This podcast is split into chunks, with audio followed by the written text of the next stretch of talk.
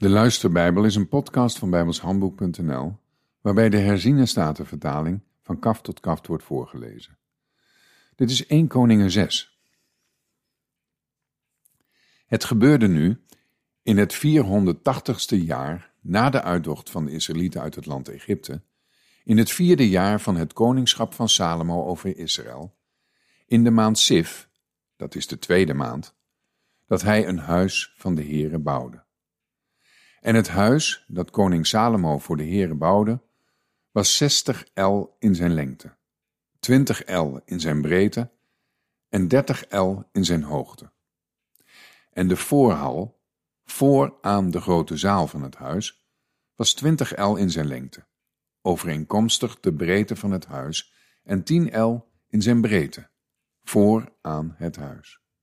Hij maakte voor het huis vensters, voorzien van kozijnen met traliewerk. En rondom, tegen de muur van het huis, bouwde hij een uitbouw. Tegen de muren van het huis rondom, zowel van de grote zaal als van het binnenste heiligdom. Zo maakte hij zijkamers rondom. De onderste verdieping van deze uitbouw was vijf el in zijn breedte. De middelste was zes el in zijn breedte en de derde was zeven el in zijn breedte. Want hij had aan het huis rondom aan de buitenkant uitdiepingen gemaakt zonder in te grijpen in de muren van het huis.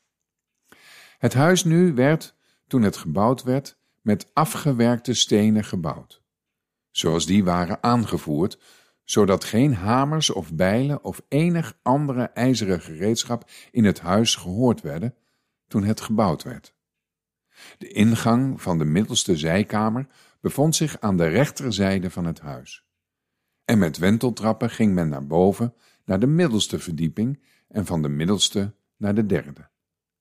Zo bouwde hij het huis en voltooide het. Hij bedekte het huis met dwarsbalken en rijen van ceders.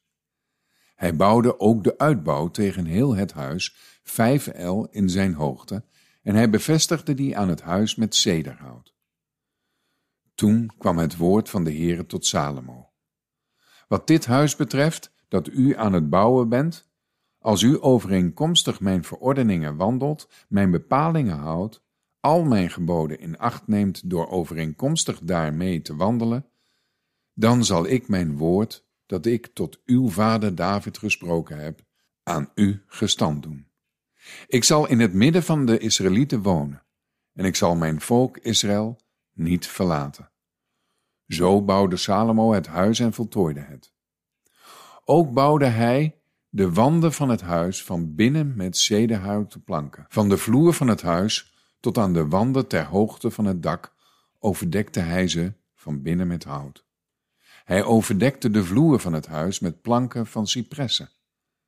Verder bouwde hij de laatste twintig el vanaf de achterzijde van het huis met zedenhouten planken tot een vertrek. Van de vloer tot aan de wanden ter hoogte van het dak. Hij bouwde het voor hem binnenin tot een binnenste heiligdom, tot het heilige der heiligen. Het huis nu was veertig el, dat wil zeggen de grote zaal aan de voorzijde. Het zederhout van het huis aan de binnenkant was voorzien van houtsnijwerk met koloquinten en ontluikende bloemen. Het was één en al zederhout, en er was geen steen te zien. Het binnenste heiligdom, midden in het huis, maakte hij binnenin gereed, om daar de ark van het verbond van de Heere te plaatsen. Het binnenste heiligdom vooraan was twintig el in zijn lengte, twintig el in zijn breedte en twintig el in zijn hoogte. Hij overtrok dat met bladgoud. Ook overtrok hij het altaar van cederhout daarmee. Salomo overtrok het huis van binnen met bladgoud en hing gouden kettingen voor het binnenste heiligdom, dat hij met goud overtrokken had. Zo overtrok hij het hele huis met goud, totdat heel het huis voltooid was. Verder overtrok hij het hele altaar dat bij het binnenste heiligdom hoorde met goud. In het binnenste heiligdom maakte hij twee gerubs van olijfwilgenhout, elk tien el in zijn hoogte. Nu was de ene vleugel van de gerub vijf el en de andere vleugel van de gerub was ook vijf el. De afstand van het einde van zijn ene vleugel tot aan het einde van zijn andere vleugel was 10 el. Ook de andere gerub was 10 el. Beide gerubs hadden één maat en één vorm.